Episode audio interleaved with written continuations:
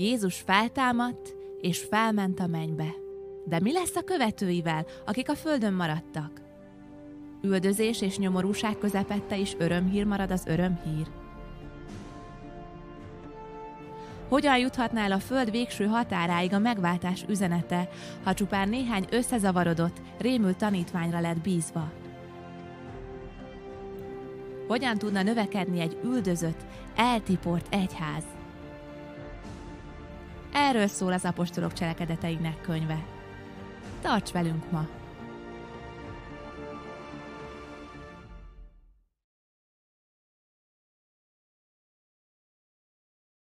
Most már időtlen idők óta, és ma a 28. fejezetnél járunk, ami azért nagyon szomorú, mert 28 fejezetből áll az apostolok cselekedeteinek a könyve. Úgyhogy azok, akik esetleg most kapcsolódnak be a sorozatunkba, egy kicsit felvesszük a fonalat, hogy hogy jutottunk el ide. Nagyon röviden arról szól az apostolok cselekedeteinek könyve, hogy miután elolvassuk a négy evangéliumot, hogy Jézus meghal, Jézus feltámad, Jézus felmegy a mennybe, mi történik utána? Mert hogy ő azzal ment el, hogy ez menjen el széles világra ez a hír. És arról szól az apostolok cselekedetei, hogy Jeruzsálemből kiindulva egy zsidó kis magból, hogyan fog eljutni az örömhír az akkori birodalomi központjába, Rómába. És a 28. fejezet arról szól majd, hogy Pálapostól, akit Isten kiválasztott arra, hogy egy eszköze legyen ebben, végül nagyon sok küzdelem után eljut Rómába. És nem úgy, ahogy ő gondolta, neki valószínűleg az volt a terve, hogy szépen megy, megáll a kikötőkbe, vagy esetleg gyalogol, meglátogatja a gyülekezeteket. Ehelyett római fogolyként megy, és méghozzá egy hajótörést átélve Máta szigetére vetődnek. Nem ez volt a terve, de nagyon sok mindent megnéztünk már ezekből a történésekből is, hogy Pálapostól soha egyetlen egyszer sem mondta magáról azt, hogy a római birodalom fogja lennék, hanem mindig mit mondott? Az élő Istennek, Krisztus Jézusnak vagyok a fogja. Az ő fogja vagyok. Érte viselem, viselem a bilincseimet. És amikor kijutottak oda, és Máta szigetére vetődtek, akkor azt néztük meg, hogy mennyire, mennyire változékony volt az, ahogyan az emberek gondolkodtak párról. Először azt mondták, hogy hát itt van egy ember, túlélték a hajótörést, biztos Isten szereti őket. Aztán azt látták, hogy Pált megmarja egy mérges kígyó, akkor azt mondták, hogy biztos egy gazember, egy gyilkos, akit most utolér a büntetés, és lecsap rá mondjuk az az Istenő, akiben ők is hittek. Aztán, mikor ez nem történt meg, akkor azt mondták, hogy hát ez az ember, ez, ez, ez Isten, hiszen túlélte ezt. És megnéztük, hogy mennyire, mennyire képlékeny és változékony az, ahogyan egymást meg tudjuk ítélni, vagy olyan bizonyos dolgokat, és ezért nagyon fontos az, hogy az Isten ne félreértsük, hanem legyen róla egy helyes ismeretünk, és az életünket pedig ne az határozza meg, hogy éppen ki mit mond, vagy nem mond rólunk, hanem az, amit az élő Isten beszél rólunk. Most pedig megyünk egy kicsit tovább, és a 28. fejezetet folytatjuk, még nem fejezzük be, hál' Istennek, de a hetedik verstől fogom olvasni, mindössze a tizedik versig. Álljunk fel ismét, és így hallgassuk Istennek a beszédét. Tehát apostolok cselekedeteinek 28. fejezet hetedik versétől olvasom. Annak a helynek a környékén volt a sziget főemberének, név szerint Publiusnak a birtoka, aki befogadott, és három napig nagyon emberségesen vendégül látott minket. Publius apja pedig történetesen magas lázzal, vérhasban feküdt. Pál bement hozzá, és miután imádkozott, kezét rátette, és meggyógyította. Miután ez megtörtént, mások is, akik betegek voltak a szigeten, eljöttek hozzá, és meggyógyultak. Ezért igen nagy megbecsülésben volt részünk, és amikor elhajóztunk, a szükséges dolgokkal elláttak bennünket. Imádkozzunk. Atyám, köszönjük a Te beszédedet. Nagyon hálásak vagyunk azért, hogy a kezünkbe tarthatjuk, és köszönöm azt, hogy ma a Te drága lelked szellemeden keresztül szólni akarsz hozzánk. Szeretnénk, Uram, most megnyitni magunkat, szeretnénk megüresíteni a gondolatainkat, és helyet készíteni annak, hogy amit mondasz nekünk, azt tudjuk befogadni, és tudjuk megcselekedni. Szeretnénk, Uram, így nem csak a, a hallgatója lenni az igének, hanem, hanem a cselekvői. Kérlek, hogy cselekedj most a Te drága nevedben is a Te dicsőségedre. Amen. Foglaljunk helyet. Azt a címet írtam fel magamnak, mikor készültem, hogy a körülmények fogságában. Nem tudom, hogy éreztük-e már valaha azt, hogy olyan körülmények vannak körülöttünk, aminek a fogjai vagyunk. És bárcsak változna valami az életünkbe, de a fogságában élünk valaminek. Bárcsak máshogy lenne valami a családban, máshogy lenne valami a munkahelyen, bárcsak máshogy lenne valami a városban, országban, gyülekezetben, bármi, de nem változnak a körülmények, és, és próbálunk ellenük küzdeni, harcolni, de nem változnak meg a körülmények. És szeretnénk, hogy valami végre alakuljon, ostromoljuk a mennyországot rendszeresen, és nem változnak meg a körülmények. Szeretném, hogy megnézzünk majd egy kicsit azt ennek a történetnek a segítségével, hogy hogyan tekintsünk azokra a dolgokra, amik körülöttünk történnek. Hogyan nézzük ezeket. És szeretnék először néhány igeverset hozni, ezeket ki is vetítjük, az elsőt megnézzük most, és kérek egy kis segítséget, mert szokás szerint mindig elhagyom a lépegetőmet. Lukács 1.8-ban azt olvassuk, hogy történt pedig. Azért emelem ki ezt a szófordulatot, mert ezt olvastuk, hogy történt pedig, hogy Publiusnak az apja éppen lázas ilyen rohamokban, vérhasban szenvedett. Ma mindjárt rátérünk Publiusra, csak előtte nézzük meg azt, hogy mit jelent ez a mondat, amikor a Bibliánkban azt olvassuk, hogy történt pedig, hogy éppen akkor véletlenül valami történik. A Lukács 1.8-ban azt olvassuk, hogy történt pedig egyszer, hogy amikor rendjének beosztása szerint papi szolgálatot végezte Isten előtt, ki lehet ez? Zakariás. Történt pedig, hogy amikor pont ő volt beosztva, Pont így alakult véletlenül, nem? Bement, és mi történt, mikor bement, hogy végezze a szolgálatot? Az Úrnak az angyala megjelent neki is. Elindult valami, amire réges-régen várnak a zsidók. Valami elindul, a messiást beharangozzák. Eljött az út készítésnek az ideje. A következő igevers is nagyon hasonló lesz. Történt pedig, amikor Jerikóhoz közeledett, hogy egy vak ült az út mellett és koldult. Pont akkor történt pedig véletlenül, hogy Jézus pont azon az úton ment be Jerikóba, és nézenek oda, történt pedig, hogy épp ott van egy vak, aki ott koldul. Amikor ez a vak meghallja, hogy Jézus jön arra, akkor hangosan felkiált, hogy Jézus, Dávid fia, könyörülj rajtam. És mi történik?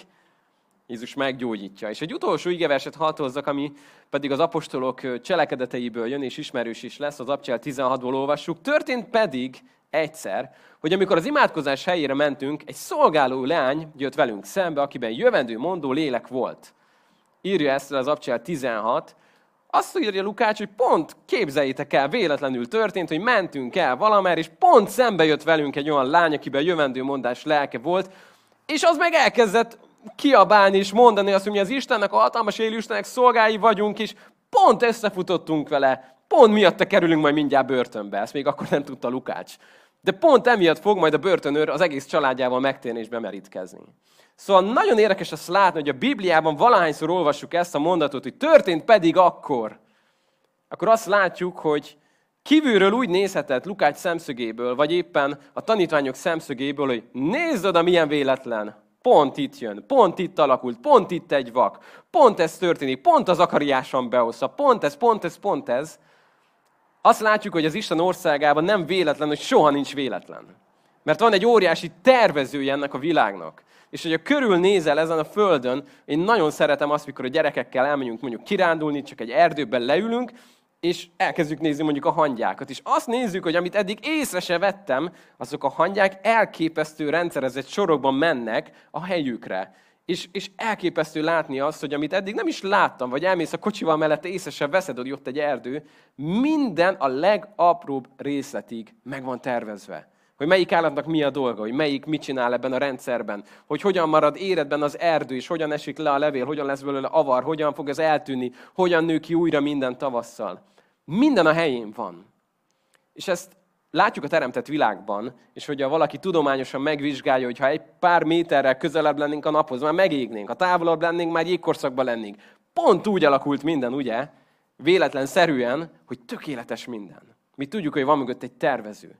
De szeretném ma, hogyha tudnád azt meglátni, hogy Isten nem csak a teremtett világot alkotta meg így, hanem a te életedet is így a kezében tartja. Mert ő megígérte azt, hogy gondom van a te utadra.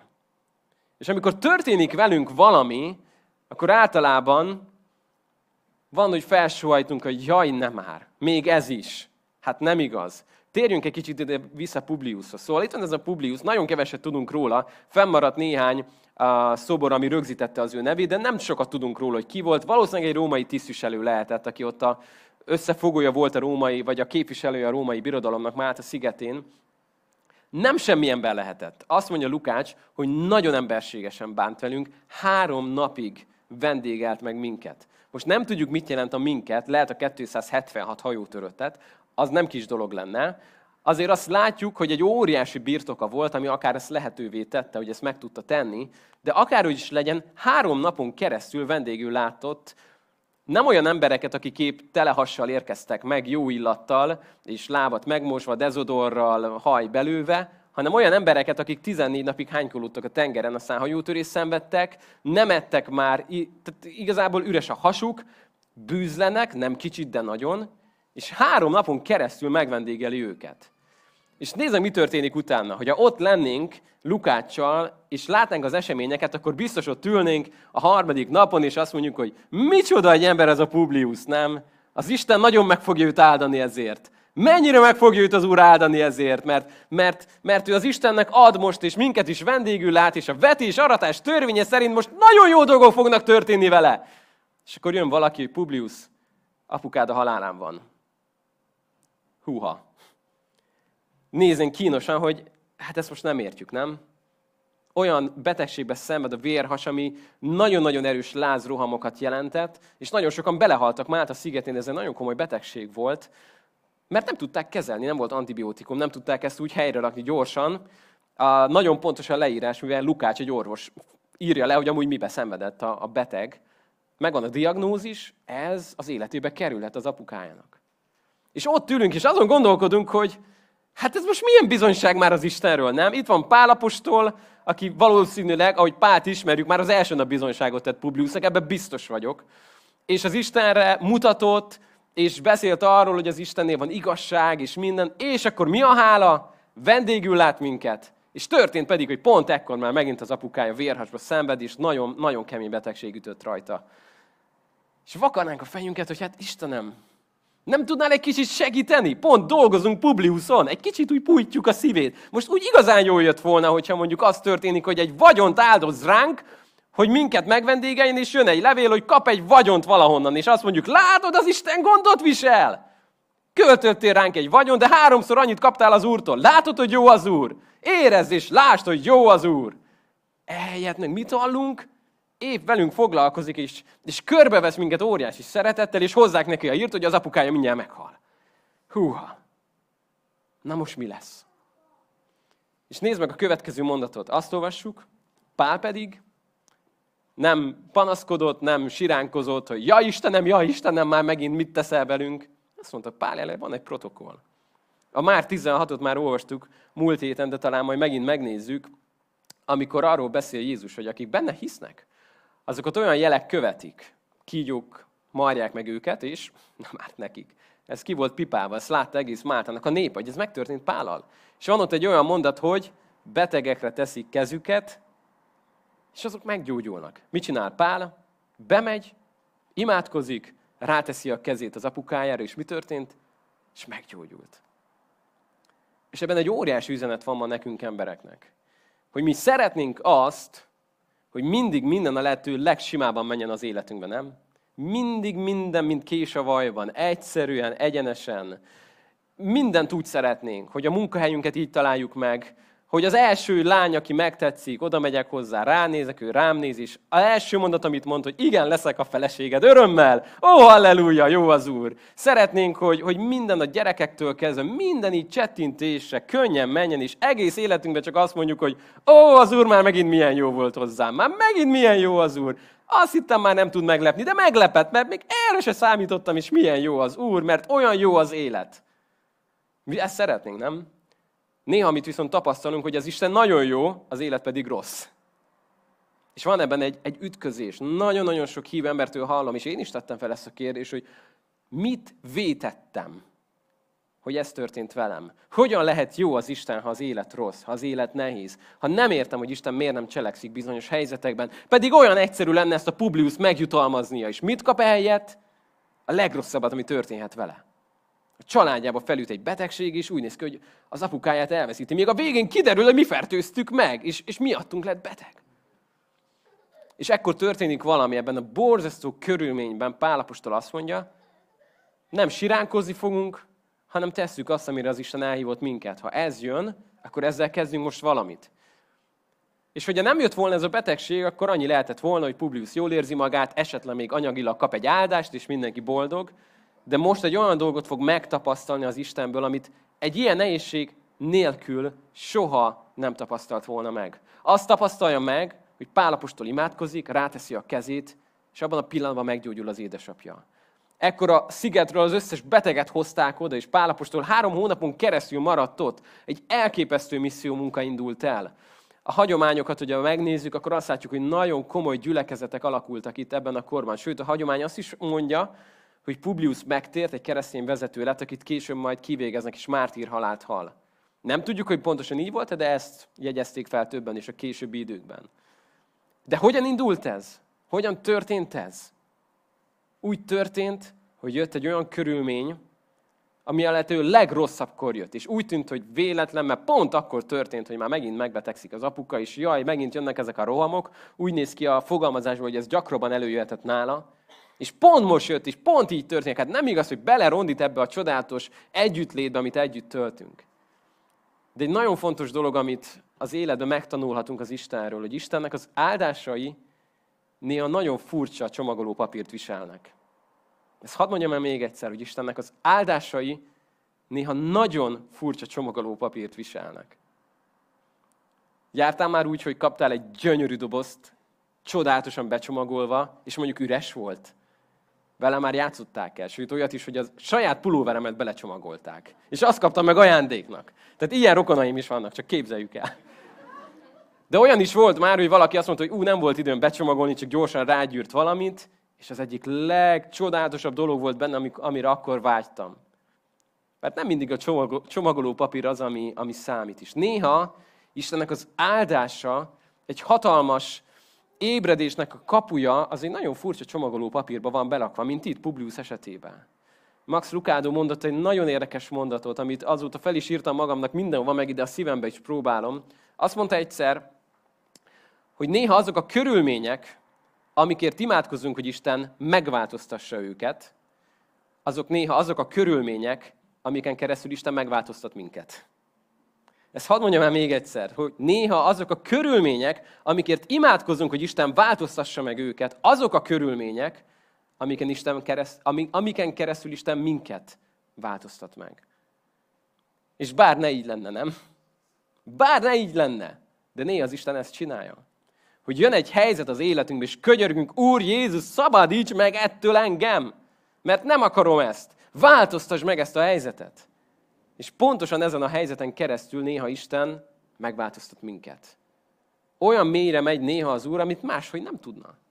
És Publiusnak olyan Isten élménye lehetett ezen a csodán keresztül, ami máshogy nem biztos, hogy lett volna. Megyünk egy kicsit tovább az igeversekbe megint, hogyha tudunk lépni.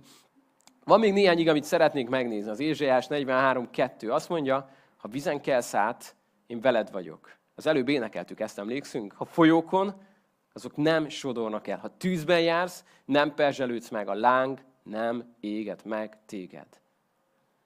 Elmondom én, hogy mit szeretnék, hogy Isten mondott volna. Nagyon szép ez a néhány igevers, de én sokkal jobban szerettem volna, ha Isten azt mondja, nem kell vizen átkelned. Mert nem. Mindig egy oldalt mehetsz az egyik parton, sose kell átmenjél Pestre, mindig Budán maradsz.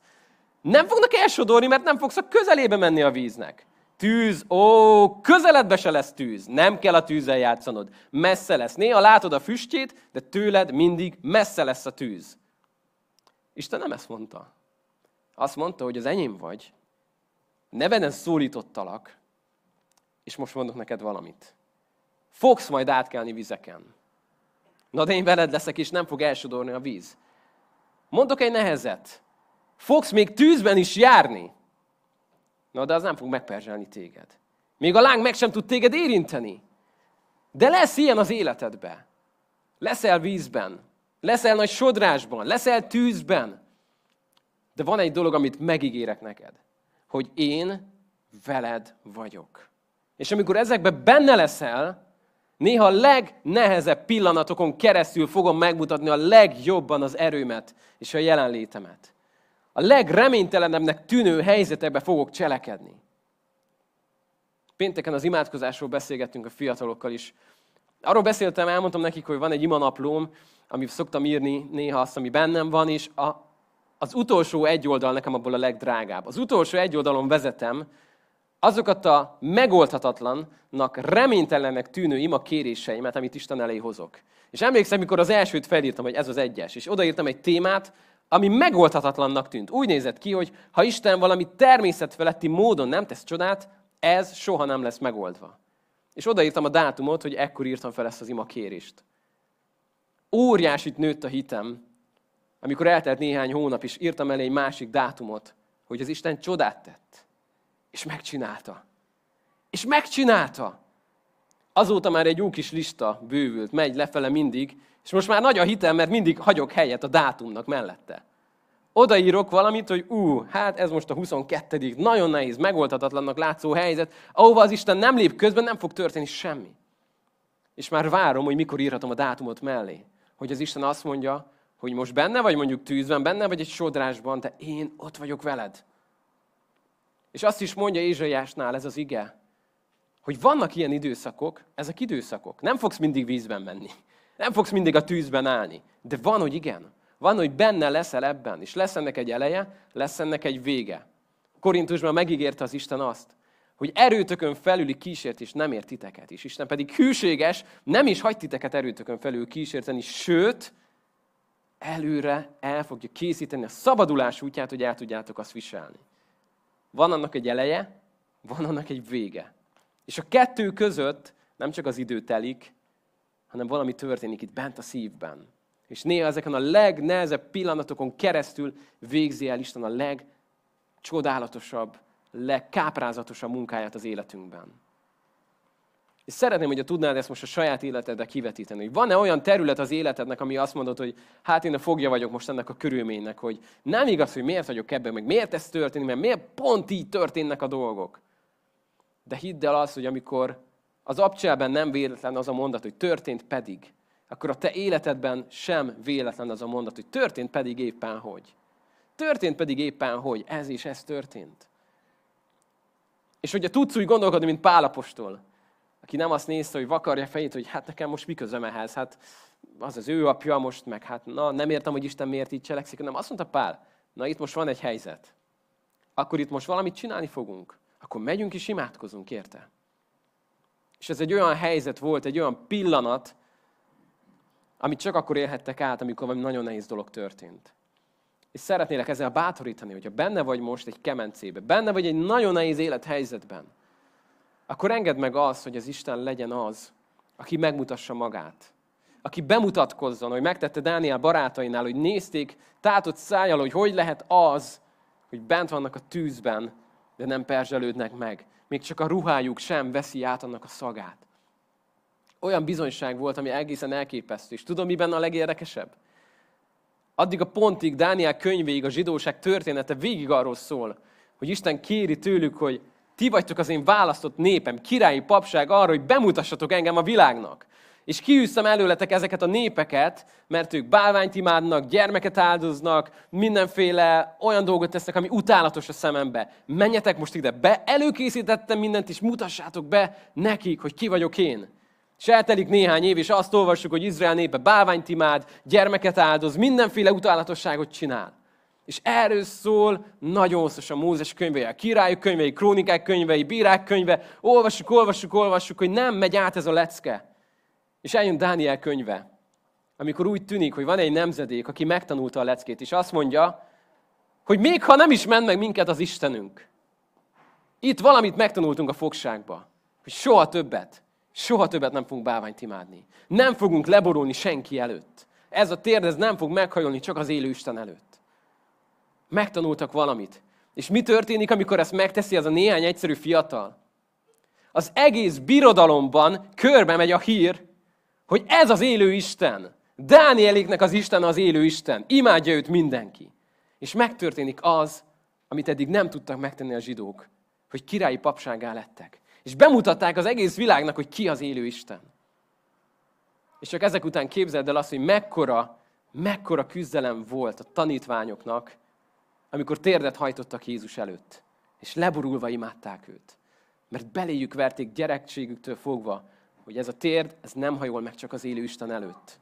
Még egyszer nem megyünk babiloni fogságra. Micsoda Isten élmény volt nekik, mikor felismerték azt Jézusban, hogy kicsoda ő, és térdet hajtottak neki. És szeretnélek ma erre hívni, hogy gyere az Isten elé, és borulj le előtte. Akkor is, hogyha az élet térdre kényszerít, borulj le előtte, és kér tőle erőt. Akkor is, hogy nagyon magaslaton vagy, és minden remek, akkor is borulj le az Isten előtt, és adj neki hálát. De szeretném, hogy tudnál ma nem a körülményeiden keresztül nézni Istenre, hanem Istenen keresztül nézni a körülményeidre. Minden megváltozik, ha ezt megérted. Az életem egy óriási változatot vett, mikor, mikor kezdtem ezt megtanulni az életemben.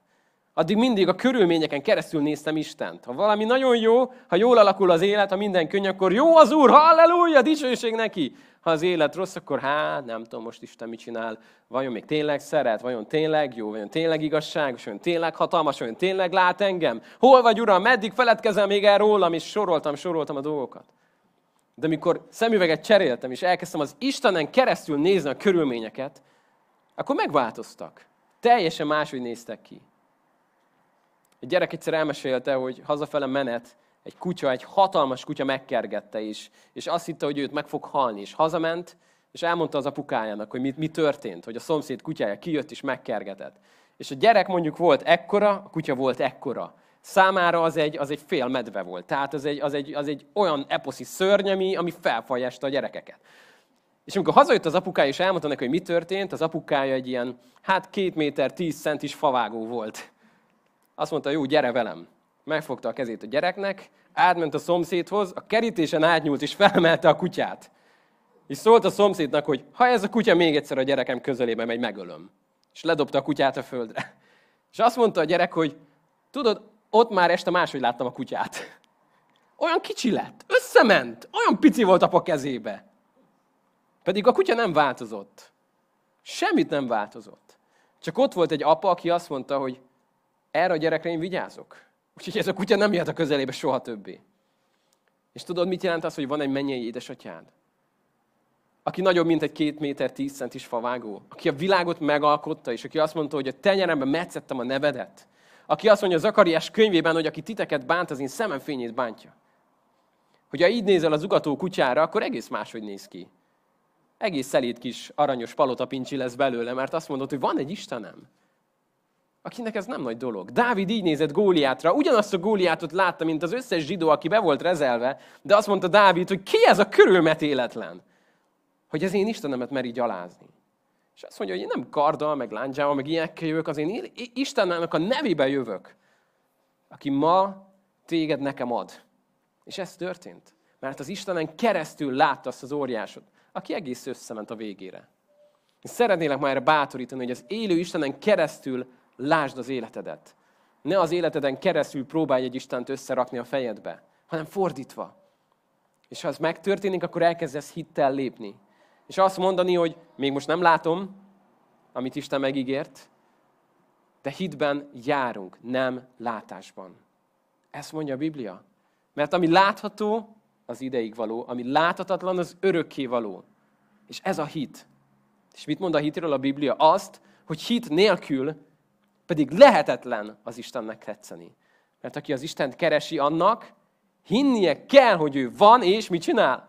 Megjutalmazza azokat, akik őt keresik. Ez a hit. Erre épített fel mindent, a hitre. Máshogy is csinálta volna, de így döntött, hogy itt ezen a földön a hit lesz az a kapocs, ahol az ő országát építi. Úgyhogy bátorítlak, hogy lépjél hittel az elhívásodban, a szolgálatodban, az életedben, a misszióban, bárhova az Isten elhívott téged csukd be a szemed, és lépj hittel. És azt fogod látni, hogy van egy Isten, aki amit megígér, azt meg is tudja tenni. És szeretném, hogyha tudnánk most az Úr elé jönni és imádkozni. És tudom, hogy vannak most itt, akik nagyon jó körülmények között vagytok, és nagyon hálásak vagytok az Istennek, nyári szünet van, minden szép, minden jó. Vannak, akik meg nagyon nem. Vannak, akiknek most nagyon nehéz az élet. Betegségekkel küzdenek, nehéz helyzetekkel küzdenek, eltávolodó rokonokkal, gyermekekkel, lázadókkal, nagyon-nagyon sok nehézség lehet az életünkben. De arra hívlak ma, hogy gyere hittel az Istenhez. És mondd azt, hogy a körülményeimet az Istenen keresztül akarom látni. És akkor egész máshogy néz ki már a kilátás. Egész más a perspektíva. És ahogyan Pál azt mondta, hogy jó, ez történt most, akkor mit csinálunk? Imádkozunk. Tesszük azt, amit Jézus mondott. És a többit meg rábízzuk. Ha az Úr akarja, akkor meg fogja gyógyítani. És akart, és meggyógyította. És elindult valami ébredés Máltán, ami soha nem indult volna el ezen nehézség nélkül. Úgyhogy ha így nézed az életedet, akkor lehet, hogy azt mondod, hogy most már nem az a cél, hogy minden mindig könnyen, egyszerűen történjen, hanem legyen mindig minden úgy, ahogy az Isten akarja. Az ő akarata legyen meg itt a földön, mint a mennybe. És legyen minden az ő dicsőségére, róla szóljon. És ha valami nehézség van az életünkbe, legyen az ő dicsőségére, formáljon az ő képmására. Hozzon ki belőle valami fantasztikusat, amit most még elképzelni nem tudunk. Legyen ez az ő dicsőségére. Most szeretném, hogy tudnál velem imádkozni is. Én fogok hangosan imádkozni, de hadd bátorítsalak arra, hogy ami ott van a szíveden, az hoz az Úr elé. Kint a fogadó térben vannak kis kártyák, ima kártyák, háladó kártyák. Akár alkalom után is, hogyha van egy ima téma, ami most nagyon a szíveden van, írd le nekünk, dob be ott a kis üvegcsébe, fogunk ezért imádkozni, fogunk az ima csoportokon is, és máshol is fogjuk ezt továbbvinni. Hogyha van egy hál, amikor Isten meghallgatott téged, azt pedig írd oda nyugodtan, legyen ez egy jó bizonyság. Hogyha most online követsz minket, írd be nyugodtan a kommentekbe, Facebookon, Youtube-on, hogy van egy ima téma, kérlek, hogy ti is imádkozzatok ezért. Mert nagy az ereje annak, amikor a gyülekezet közösen tud imádkozni. De most kérlek, hogy először te magad, gyere velem együtt az Isten elé. És mondd el azt, ami ott van a szíveden, hozz ezt az Isten elé. Atyám, magasztalunk téged azért, mert jó vagy. Isten, magasztalak téged azért, mert akkor is, amikor az élet nehéz, amikor olyan körülmények jönnek, amikre nem számítunk, amit Publius nem várt, te abból csodát teszel. És olyan ébredést indítottál el ott Máltán, ami egészen elképzelhetetlen volt addig. Imádkozok Istenem azért, hogy láthassuk úgy a körülményeinket, ahogyan Te látod. Imádkozok Istenem azért, hogy ne azt várjuk mindig, hogy a körülmény megváltozzon, hanem tudjál azon keresztül minket megváltoztatni. Szeretnénk, Uram, így ott lenni és engedni, hogy formálhatóak legyünk a Te kezedben. Isten, imádkozok azokért, akik most nagyon nehéz helyzetben vannak, akik szenvednek, akik betegségekben, fájdalmakban, lelki gyötrődésekben vannak. Uram, hadd éljék át a Te szabadításodat. Hadd éljék át, amit Pál átélt, hogy imádkozott hittel, és Te megtetted azt, amit egyedül Te tudsz megtenni. Köszönöm, Atyám, hogy Te együtt munkálkodtál a tanítványokkal, megpecsételve jelekkel, csodákkal az ige hirdetés. Szeretnénk, Uram, ezt ma látni, ahogyan mi megtesszük azt, amit mi meg tudunk tenni. És Te oda teszed mögé azt, amit egyedül Te tudsz tenni a természet felettit. De amíg nem változik valami, addig is szeretnénk, Uram, hittel látni Téged. És nem a körülményekből kiindulva, nem tudni azt, hogy Te jó vagy, Te szerető vagy, Te igaz vagy. Így akarunk, Uram, benned hinni, így akarunk tovább lépni. És ami imádkozok azért, hogy amit most eléd hoztunk, sok-sok kérés, ami a szívekből felszállt hozzád, az legyen, Uram, előtted egy jó illatú áldozat. És tekints, Uram, ezekre a kérésekre, és cselekedj, Uram, úgy, hogy egyedül Te tudsz cselekedni. Kérjük ezt a fiad nevében és dicsőségére. Amen. Szeretném, ha tudnánk most folytatni az Istennek a magasztalását. Amikor, amikor valami nagyon jó történik az életünkben, akkor könnyű az Urat magasztalni. Akkor úgy telve vagyunk örömmel, hogy de jó, de jó, akkor most... Amikor viszont nem történik még meg, akkor nagyon nehéz.